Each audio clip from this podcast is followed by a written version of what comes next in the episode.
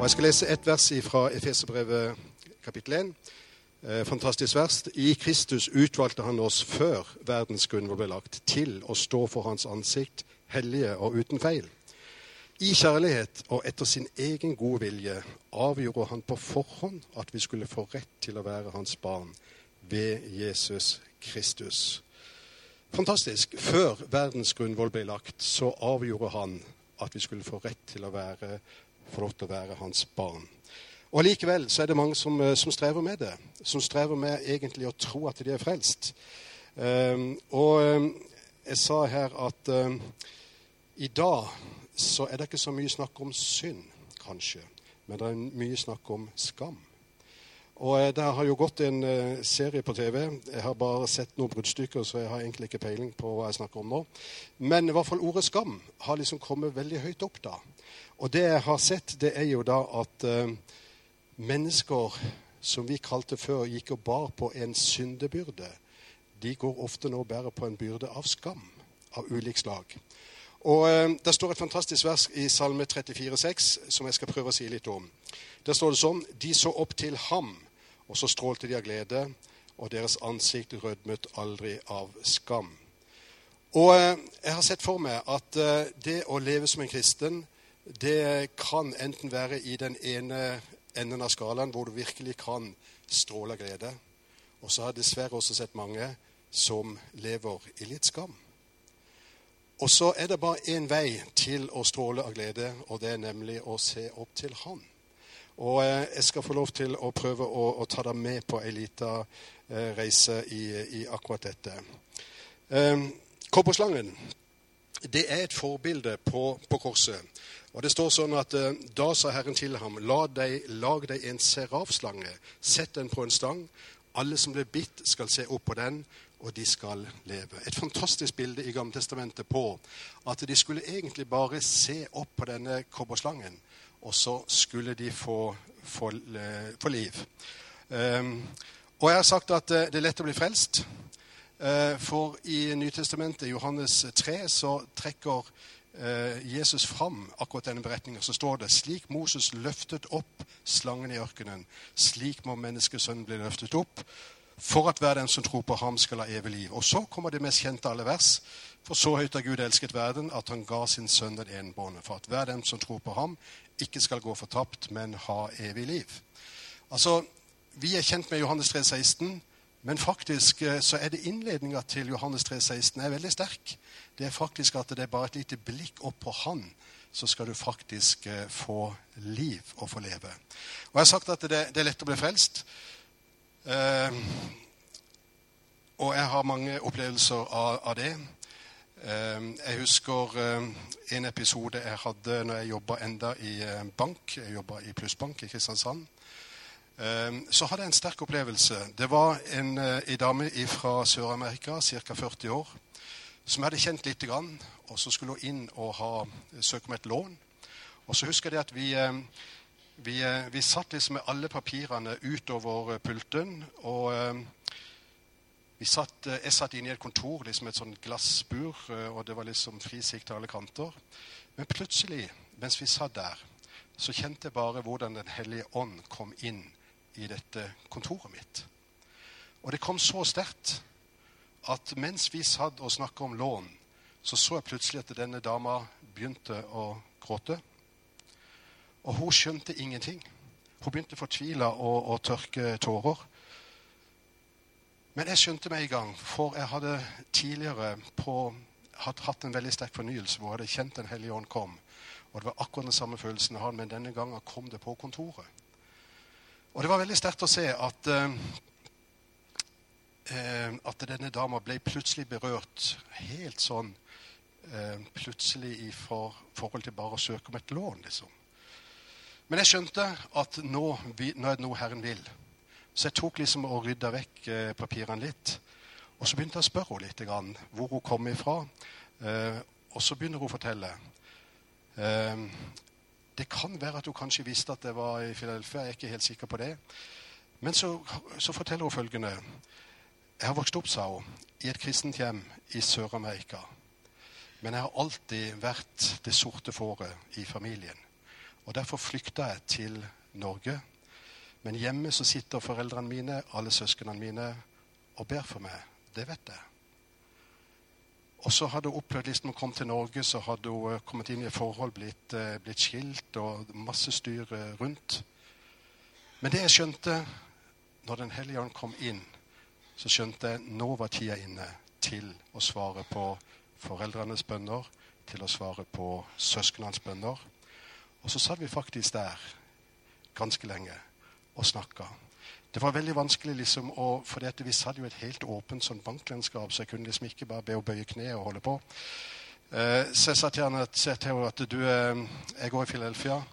Eh, du må komme tilbake. Vi må få bedt for deg skikkelig. Eh, så gikk det en liten stund, og så sto jeg på første benk eh, og bare skulle synge eller et eller annet. Så var det plutselig ei som kom og tok meg liksom og prikka meg i, eh, i skuldra. Og så var det hun. Og så fikk vi lov til å be sammen, og så ble hun frelst. Det er jo fantastisk at hvordan folk egentlig opplever å bli frelst. Og det er lett å bli frelst. Noen ganger skjer det på den aller siste reisa på et sykehus. Og Jeg, jeg ble minnet også om å fortelle en annen episode også. Ehm, jeg hadde, jeg hadde en, en kar som jeg egentlig aldri hadde snakka med før. En eldre kar som var havna på sykehus og, og, lå vel egentlig på det aller, aller siste. Og så, um, så, ble jeg kalt inn fordi at jeg var i familie veldig veldig, veldig langt ute. Så det, jeg, vet, jeg kan ikke engang si hvor langt ute det var, for jeg skjønner ikke alle de der. Eh. Men snakk nok om det. Jeg kom inn. Uh, han lå med masse slanger og, og greier. Og så tenkte jeg jeg må bare spørre han. Det her eh, ser ut som det er like før han reiser. Um, kjenner du Jesus? spurte jeg. Og så fikk jeg en reaksjon som jeg aldri før har opplevd. Brått så reiser han seg opp i senga og gaper ut. Jeg er døpt og konfirmert, sa han. Og jeg fikk nesten sjokk, for jeg bare skjønte dette stemmer ikke helt. Så la han seg ned. Så tenkte jeg jeg må spørre en gang til. Så sa jeg, men kjenner du Jesus? Igjen den nøyaktig samme reaksjonen. Han reiser seg opp i senga, gaper ut. Er døpt og konfirmert. Jeg hadde såpass kjennskap til, til han at jeg visste at han hadde aldri hatt noe særlig eh, forhold til eh, kirke og menighet. Så jeg bare skjønte her må vi gå litt dypere. Så når han hadde fått lagt seg ned igjen, så begynte jeg å samtale med han. Helt på basic. I en halvtimes tid. Og så spurte han til slutt vil du ha denne Jesus inn i livet ditt. Ja, sa han. Og så kjente jeg bare plutselig at det var en totalt annen atmosfære. Han hadde gått i en tanke om at han hadde hatt et skal vi si for noe, et religiøst rituale som på en måte han, han trodde var nok. Men jeg bare skjønte på hele reaksjonen at uh, det var ikke nok. Og det som skjedde, var at jeg gikk ut.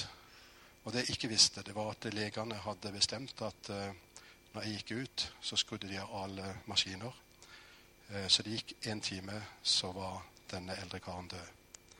Han ble redda i det aller siste nesten sekund. Og det var nesten som jeg så et syn. Og det var nesten sånn jeg så På, på friidrettsbanen så er det jo sånn at du kan løpe lange løp 10 000 meter. ikke sant? Og det var nesten som jeg så at uh, djevelen på en måte hadde hatt han i denne jeg vil, jeg vil kalle det egentlig en løgn, for det at du må ha et personlig forhold til Jesus. Uh, og hadde hatt han liksom i 9990 meter. Og så merker jeg liksom bare det raseriet som kom over at vi dro han ut av dette ti meter, ti meter før målsnora. Og så er det mange som har hatt den samme opplevelsen, røveren på korset. Men egentlig er det veldig lett å bli frelst. Noen få minutter sammen hvor bare til slutt spør vil du, vil du ha Jesus inn i livet ditt. Og et ja var nok. Det er egentlig veldig lett å bli frelst. Men det jeg kjente litt for, det er at mange går allikevel og bærer på en byrde. Jeg har sittet på radio på vårt omsorgsprogram utrolig mange kvelder. Ikke så mye nå, men veldig veldig ofte før. Og veldig mange av de spørsmålene som kommer inn på radioen, er at kan du be for meg at jeg skal få frelsesvisshet. Og Mange ganger så har jeg liksom skrevet det på en lapp, og så har vi tatt det med i studio, og så har vi bedt om at de skal få det. Eh, så var det ei dame som gang på gang ringte det samme spørsmålet. Kan du be for meg at jeg får frelsesvisshet? Og jeg ble så lei av det. Eh, det er jo synd å si det. Men jeg bestemte meg for denne gangen altså skal jeg gjøre noe annet. Så eh, når hun spurte kan du be for meg at jeg skal få frelsesvisshet, så sa jeg nei. Det kan jeg ikke. Men, sa jeg, jeg skal gjøre noe annet. Jeg skal begynne å forklare deg hva Guds ord sier om livet ditt. Og så hadde vi en fantastisk samtale på telefonen hvor jeg tok fram masse bibelvers. Etter det har hun ikke ringt. Hun fikk plutselig erfare at uh, Guds ord holder. Ikke, du bygger ikke frelsesvissheten din på følelser, men du bygger den på hva Guds ord sier om ditt liv. Men ordet skam eh, Hvis du tar fram neste bilde Ja Stopper det opp? Ja, det var jo litt tomt. Kanskje det kommer. Eh, kanskje vi kan Ja, det hadde vært veldig greit å få det opp, for det var noe jeg ville vise deg her. Eh, men eh, det som jeg har gått og tenkt på, det er at det er mange ting ta et tak til. det er mange ting som gjør at det kan bli folk kan oppleve skam bakover i livet. Og vi kjenner vel periodevis det noen av oss. Det kan være brutte relasjoner. Jeg har bare lista opp en del ting her. Det kan være folk som opplever mobbing, som går med en skam pga. det. Det kan være at du har vært utsatt for en konflikt og fått kritikk eller gitt kritikk eller et eller annet. Det kan være på økonomisida. Mange har hatt opplevelser på økonomi hvor de liksom har kjent at det, det var ikke helt rett. Jeg må bare si det, jeg ble berørt på, Vi hadde en sommerkonferanse nå i august. Og På et av de møtene der så kommer det fram ei dame, medlem hos oss, på over 80 år. Og så helt gråtkvalt fordi at hun hadde tatt bussen.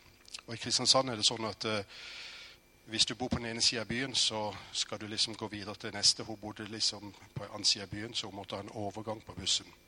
Så hadde hun betalt når hun steg på bussen, men så glemte hun å betale på den overgangsbilletten. Og akkurat den dagen så var det kontroll. Og denne dama vår, medlem i alle år, 80 år, hun ble tatt for 12 kroner. Og dette her var så flaut. Og tror du ikke denne dama da, etter møtet kommer opp, tar mikrofonen og bekjenner sin syn høyt offentlig til alle? Og du vet, det er lett å le av det, men dette plager oss òg. At de tolv kronene der som hun ikke hadde gjort med vilje engang. Bare glemt det. Men det var så flaut å bli tatt på bussen. Um, så hun gikk og ba på en skam på dette her. Og så måtte hun få det ut og på en måte legge det bak seg. Um, Snoking på nettet. Mange er utsatt for det. Både snoker sjøl og blir snoka på osv. Det er mange ting eh, på dette området nå på alle slags mulige medier. Det at du av og til ikke taler helt sant, og du bare vet at det, det var ikke helt bra, det at du kanskje sier noe om andre som du tenker det skulle jeg aldri ha sagt. Eh, mange har opplevd kanskje, eller i hvert fall noen har opplevd overgrep av ulik art. Noen har dårlig erfaring med fyll og fest av ulik slag og, og bærer på liksom en sånn skram og dette plager faktisk nasjonen. Jo mer vi har liksom sagt at vi skal frigjøre oss fra alle dette, jo mer og mer opplever jeg i sjelesorg at uh, det er ikke noe frigjørelse med å gi blaffen i disse. Det er kun en frigjørelse ved å komme inn under Jesu blod. Uh, vi har oppretta et bønn- og veiledningssenter uh, hvor dattera mi leder det. Men vi har kø av folk fra hele landet som ønsker å komme og snakke om ting. Folk som tar fly fra Ålesund, fra Oslo, fra rundt forbi fordi at de må få letta eh, hjertet sitt.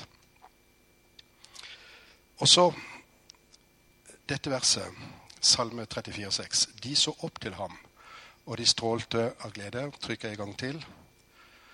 Hva er det som skjer når vi opplever at eh, vi kan virkelig få lov til å legge dette bak oss? Hvis du trykker en gang til, så ser du plutselig at alle disse tingene de blir borte. Og så blir du egentlig bare opptatt med Jesus. Og det er en fantastisk dimensjon når folk virkelig opplever dette. En av de aller første som kom inn til oss på Philadelphia omsorgssenter, og som hadde levd utrolig mange år i rus eh, Jeg glemmer aldri han. Eh, det som skjedde, var at eh, vår bønneleder hadde en, en samtale med han og begynte å be. Og han hadde vært på kjøret i utrolig mange år og var helt nedkjørt. Plutselig så merker han at Den hellige ånd kommer over han.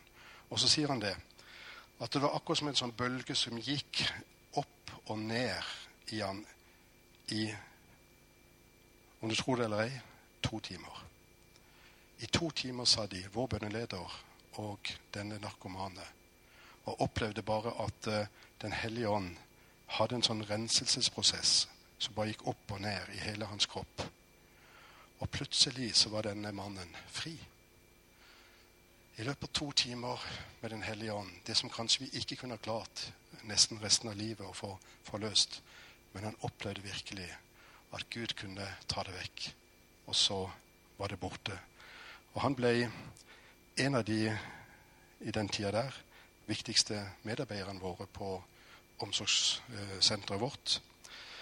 Og han var en av de som en dag eh, bestemte seg for, sammen med to andre, at eh, de skulle be fra et hus i byen som skulle være et omsorgssenter.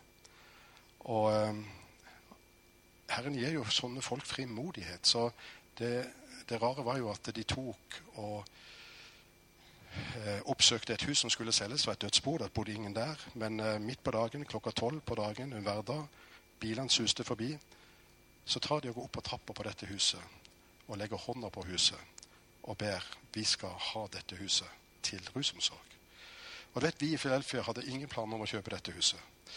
Men eh, for å gjøre en lang historie kort, etter 14 dager så kjøpte vi dette huset.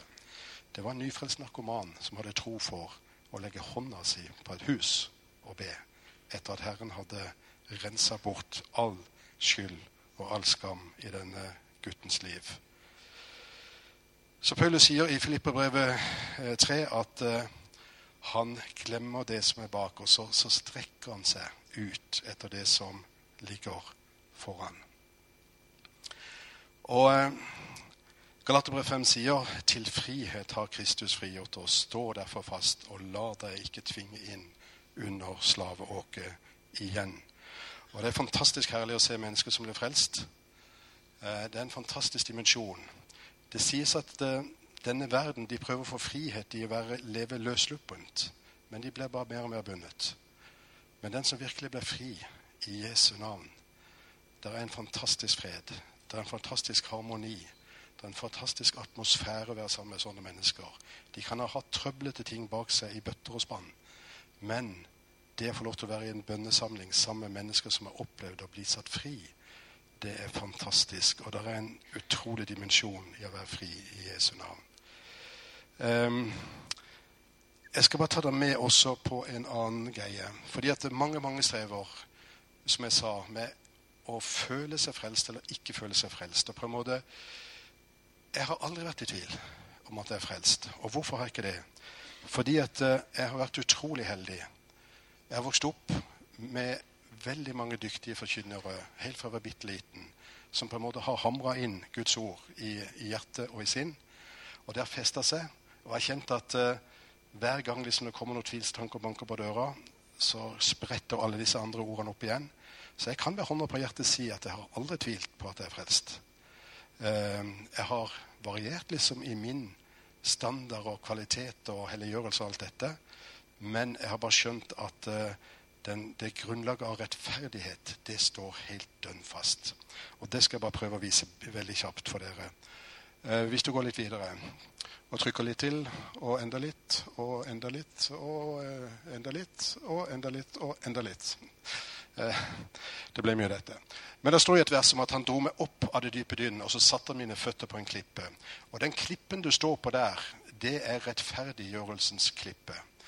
Eh, og det vi ofte blir utfordra på, det er egentlig ikke om vi er rettferdiggjort, men om vi er helliggjort. Så det å få begrepet på hva er helliggjørelse og hva er rettferdiggjørelse, er ufattelig viktig. Fordi at eh, den onde angriper oss på vår helliggjørelse, eller manglende helliggjørelse. Og så tenker vi at eh, det er et angrep på rettferdiggjørelsen. Men hvis ikke du klarer å skille disse to tingene her, eh, så kommer du alltid til å leve i det der følelsesmessige spennet. På en dårlig dag så er du ikke lenger frelst, og på en god dag så er det halleluja. Men sånn er det ikke. Det hviler ikke på følelser. Og jeg har prøvd å tegne, hvis du går et hakk til, ja. Den veien der, og kanskje et hakk til. Ja. Ett trykk til. Ja. Uh, mitt liv og ditt liv tror jeg kan være som denne streken her. Fordi at vi, vi går på en måte opp på rettferdiggjørelsen hele tida. Men vår helliggjørelse den har mange sprekker. Den har mange sprekker i mitt liv, og den har sikkert mange sprekker også i ditt liv. Og det er jo her ofte vi, vi kjenner på at vi eh, kjenner på både skam og skyld og det ene etter det andre. Og jeg har bare tegna inn, prøvd å tegne inn sånn som jeg har opplevd det, at uh, vi kan ta et klikk til. En skuffelse i livet kan gjøre at uh, du på en måte detter ned litt. Det kan være at du kan oppleve skuffelse midt i en menighet. Mange har opplevd det, dessverre. Det kan være en skuffelse i familien din, det kan være en skuffelse i jobb. Og så kan det være sånn at du tenker at uh, hvor er Gud midt i dette? Dette skulle jo aldri ha hendt. Og så kjenner du bare det at uh, du detter litt ned. Og kanskje det verste av alt at du blir skuffa på deg sjøl hvis det er at du har gjort et eller annet. Og så kjenner du liksom Tør jeg på nytt igjen å vitne? Tør jeg på nytt igjen å gå på møte? Og så er det liksom et, et, et, et brudd på helliggjørelsen din. Uh, det kan skje andre ting. Hvis du tar et uh, Selv en god kristen kan begynne å tvile. Og jeg kjenner mange som har opplevd sykdom, ulykke, som gjør at uh, en ofte kan stille seg det spørsmålet hvor i all verden er du Gud? Midt i alt dette. Det skulle jo ikke gå sånn. Kanskje du går på skole, og du begynner å få andre tanker om Bibelen. Mange blir utsatt for et fryktelig press i dag i forhold til mange bibelske sannheter. Eh, bare en ting som skapelse. I dag ble du Jeg husker jeg gikk i fjerde klasse, hvor læreren min skulle fortelle om evolusjon. Og så, så, var han så kritisk at han sa men det er vel ingen her i denne klassen som tror på skapelsen. Og, og jeg måtte i fjerde klasse rekke opp handa som den eneste i klassen som trodde på skapelsen. Så selv en fjerde klasse for så lenge siden ble utsatt for et veldig press. Og jeg ble jo liksom Ja, det var jo flaut at jeg var den eneste som trodde på skapelsen. Og så vet vi i dag er det jo den strekken veldig veldig mye lenger på på alle, absolutt alle plan. Vi kan komme i tvil. Vi kan møte eksperter som sier noe helt annet, og så kan vi komme i tvil. Vi kan til og med ha et fall. Til og med det kan være ting i vårt liv som gjør at uh, vi bare vet at det er et fall. Og så detter liksom helliggjørelsen. Men legg merke til på denne linja her. Han detter aldri gjennom linjen av rettferdiggjørelse. Og det er det som hele tida har båret med at uh, når han dro meg opp av det dype dønn, så satte han mine føtter på en klippe. Og denne klippen, den synker aldri. Når du er rettferdiggjort, så er du rettferdiggjort. Men det kan skje ting i livet ditt. Vi, vi må jo absolutt leve for å ære Gud. Et siste punkt eh, motløshet kan ta knekken av mange. Det er så mange ting midt i et menighetsliv. Mange pastorer har gått trett og blitt motløse. Um, og um, jeg snakka med en uh, for ikke lenge siden uh, som hadde opplevd et helt annet sted i landet. Han hadde opplevd at han hadde levd sterkt med Gud. Og så var det begynt å bli trøblete for han, både i menighetslivet, familielivet, og faktisk en lang, lang periode, for nesten 20 år, så levde han i dette. Og så kom han til en punkt, og jeg ble veldig berørt når han fortalte dette. Så sa han til Gud dette her er urettferdig, sa han til Gud. Jeg har jo tjent det hele livet. Jeg har prøvd å gjøre mitt beste. Jeg har vært pastor. Jeg har prøvd å ta vare på familien min. Og han hadde virkelig gjort det. Og så stiller Gud et motspørsmål til denne pastoren midt i sin motløshet, som sa at Gud hadde vært urettferdig. Og så sier Gud til han, vil du virkelig at jeg skal være rettferdig med deg? Og plutselig gikk det opp for han at hvis Gud virkelig skulle være rettferdig og gjengjelde eh, liksom steg for steg av tross alt hans fall og nederlag også, da hadde det vært ille ute med han. Og plutselig så bare skjønte han jo det, at Gud har holdt sin hånd over meg egentlig i alt dette. Han skjønte at Gud har vært ufattelig nådig, selv om det var mye motgang, selv om det var mange ting. Men han holdt på å avslutte sin tjeneste. Heldigvis i dag så er han i en blomstrende tjeneste. For Gud møtte han på nytt igjen. Og så har jeg vært veldig glad for å høre at han virkelig har reist seg og har en sterk tjeneste i sin, i, i sin menighet. Men helliggjørelsen kan få en knekk. Og det kan være liksom Du tenker at det er en skam for meg. Det er tingene som ligger bak. Og det er mange ting i vårt liv som, som kan føles sånn. Men bare tenk igjen etter dette møtet her. Ikke vær i tvil om du er frelst. For du detter aldri gjennom at Gud har rettferdiggjort det. Eh, vi skal ha et ønske om å bli han lik, men vi skal ikke Eh, det skal ikke være det som er egentlig rettferdighetens eh, grunn. da. Jeg har sagt at rettferdiggjort det er sammensatt av tre ord. Eh, det er rett, det er ferdig, og det er gjort. Så enkelt kan det sies. Det er helt ferdig. Du kan ikke gjøre noe fra deg til. Og det er allerede gjort. Og jeg har sagt til mange at når de er angrepet på frelsesvissheten, så har jeg sagt du må ikke tillate djevelen å angripe deg for noe Jesus har ansvaret for. For det er Jesus som har ansvaret for rettferdiggjørelsen. Og hvis ikke den holder for deg, så holder han ikke for meg heller. Eh, så du må bare sende den pila litt videre. For det er egentlig ikke du som kan avgjøre dette. Eh, det er han som har rettferdiggjort det, og det grunnlaget der, det holder. Og Herren har tatt meg så mange ganger Jeg skal gå mot avslutning nå. Han har tatt meg så mange ganger på dette Eh, fordi at jeg var veldig smal i min nådeforkynnelse tidligere. Og nå vet jeg jo at dere har hatt Åge her, som er veldig vei i den nådeforkynnelsen. Men jeg var veldig smal da, for en del år siden. Og så har jeg bare kjent hvordan Herren har på en måte pressa og pressa og pressa og pressa med det ene bildet etter det andre. For at jeg skulle virkelig kjenne at jeg var frelst og kunne glede meg i Gud. At jeg kunne se opp til Han og stråle glede og ikke rødme av skam. Og en dag så tok Gud med på dette. Eh, at hvorfor kan du kalle det nordmann?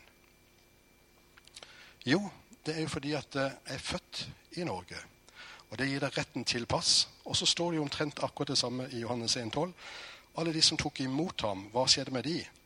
Jo, dem ga han rett til å bli Guds barn, de som tror på hans navn. Hvorfor fikk de denne retten? Fordi de ikke er født av kjøtt og blod, men de er født av Gud. Og Plutselig bare gikk det opp for meg at det, er den nye fødselen som gir meg denne retten til å bli Guds barn. Og Jeg skulle ha, jeg skulle avslutte med det. Jeg skulle ha en eh, begravelse for en eh, narkoman som døde i Jeg tror det var i eh, overdose, jeg er ikke helt sikker. Men han hadde vært hos oss i flere år. Og hadde alltid et fantastisk forhold til Jesus. Han gikk liksom alltid med en liten bibel på baklomma når han skulle ut og tur i byen så, og vitne for alle. og sånn. Så reiste han til Oslo ved et tilfelle, og så på et eller annet vis så skjedde det et eller annet der. Og jeg har aldri fått visshet i hva det egentlig var som skjedde. Men i hvert fall så døde han denne turen til Oslo. Og så gikk det jo da rykte om at han døde i ei overdose som han hadde tatt. Og så skulle jeg eh, få rett i denne begravelsen. Og så, eh, så gikk jeg og tenkte hva i all verden skal jeg si i denne begravelsen her? Kan jeg liksom bare melde han rett inn i himmelen hvis det var ei selvforlagt eh, overdose? Og så, i løpet av de få dagene der før jeg skulle få rette, så tok uh, Herren meg skikkelig. Um, og Jeg skal ikke drøye det veld, veldig langt ut. Men Herren begynte å spørre meg noen alvorlige spørsmål. Det første spørsmålet var Hvis du ikke visste hva Jesus hadde sagt til røveren på korset, hadde du da meldt røveren inn i himmelen eller ikke? Og det er lett for oss, for Jesus sier i dag skal du være med i paradis. Men hvis jeg skulle være litt kritiske da til denne røveren, så kan en jo si at han ba jo egentlig ikke om å bli frelst engang. Han eh, ba ingen om tilgivelse. Han ble i hvert fall ikke døpt. Eh, det er mange ting du kunne ha sagt at eh, det var vel tvilsomt om han egentlig ble frelst der på korset. Men Jesus så rett i hjertet hans. Og Jesus skjønte at den ene setninga der, 'tenk på meg', det var egentlig et rop om å bli frelst. Og så vet vi Jesus svar, at han ble frelst. Så spurte med spørsmål nummer to. Hva hadde du sagt hvis du skulle være dommer når David synda i Gammeltestamentet? Og du vet, David hadde gjort to ting som egentlig fortjente døden. Eh, han hadde drept, og han hadde drevet hor. Og så skulle jeg være helt ærlig Hvis en skulle virkelig følge boka der i Gammeltestamentet, så hva i all verden skulle jeg gjort? Så ser vi bare at Gud gir beskjed til profeten Natan at han skulle gå tilbake til David. Og så ser jeg bare det at uh, Golgata-verket ble forskuttert 800 år inn i Gamle Testamentet. Og så ble David frikjent. Og så ber David en fantastisk bønn i Salme 51 hvor han ber om å bli rensa fra sin synd. Og det tredje spørsmålet var dette med Peter som trodde at han kom til Jesus. Og så skulle vi vel Jeg ser bare for meg Peter liksom Du, Jesus, hvor mange ganger skal jeg tilgi min bror? Og så, så, så tar han skikkelig godt i. Syv ganger hver dag. Vet, det, vi hadde nesten ikke klart det. Syv ganger hver dag. Og så, og så Jeg ser bare for meg at han at han skal imponere Jesus med at han hadde tenkt å gjøre det syv ganger. Og så blir han bare slått i bakken liksom med at uh, du må gange det opp med 70. 70 ganger 7. 490 ganger skal du gjøre det hver dag. Og så kjente jeg bare gjennom alt dette denne korte uka at jeg måtte utvide mitt nådebegrep for denne narkomane som hadde gått med Bibelen på baklomma hele tida, og som på en måte var falt ut i et, eh, et eller annet ureint stoff eller et eller annet men Herren hadde tatt han hjem. Det var jeg sikker på. Eh, rettferdigheten, den holdt. Det var et fall i helliggjørelsen hans. Men han datt ikke gjennom det Gud hadde gjort i hans liv. Og det var så herlig å kunne stå i den begravelsen og bare vite at jeg kom til å møte denne personen igjen. En herlig kar. Eh, og det var så herlig etterpå å være i denne minnestunda. Jeg har aldri vært i minnestuen hvor ingen er frelst, men i denne minnestunda var det bare meg som var frelst. For hele hans slekt hadde aldri hørt noe som helst om evangeliet. Og jeg kunne sitte der over bordet og snakke og på en måte vitne om denne gutten og få lov til å erklære han som en borger av himmelen. Og det var herlig. Så det var det jeg hadde på hjertet. Det er gode nyheter. Herren har tatt din skam. Du kan stråle av glede. Du trenger ikke å rødme av skam for det livet som ligger bak. Du trenger ikke å tenke at uh, dine nederlag i livet har gjort at du faller rett gjennom rettferdiggjørelsen. Den holder for meg, og den holder for deg. Så jeg takker deg, Jesus, for ditt ord. Takk at uh, vi kan ta vår tilflukt til dette. Vi kan virkelig kjenne det at eh, det er et grunnlag der som virkelig vi kan få lov til å stå på, og vi står støtt. Takk at ikke du har eh, lagt dette på et plan av følelser i vårt liv, men du har sagt at ditt ord skal aldri forgå. Ikke en eneste tøddel av ditt ord skal forgå. De kommer til å bestå. Om himmel og jord forgår, så vil dine ord alltid være der. Og takk at vi er frelst, Herre, fordi at vi fikk lov til å ta imot det. Og så ga du oss denne retten. Du ga oss dette passet, faktisk, så vi kan erklære som himmelens borgere, uavhengig av vårt liv, om det er sånn eller sånn, hva vi har gjort og ikke gjort. Men den dagen vi sa ja til deg, så skapte du et grunnlag i vårt liv av rettferdiggjørelse. Og det har jeg bare lyst til å takke deg for denne kvelden.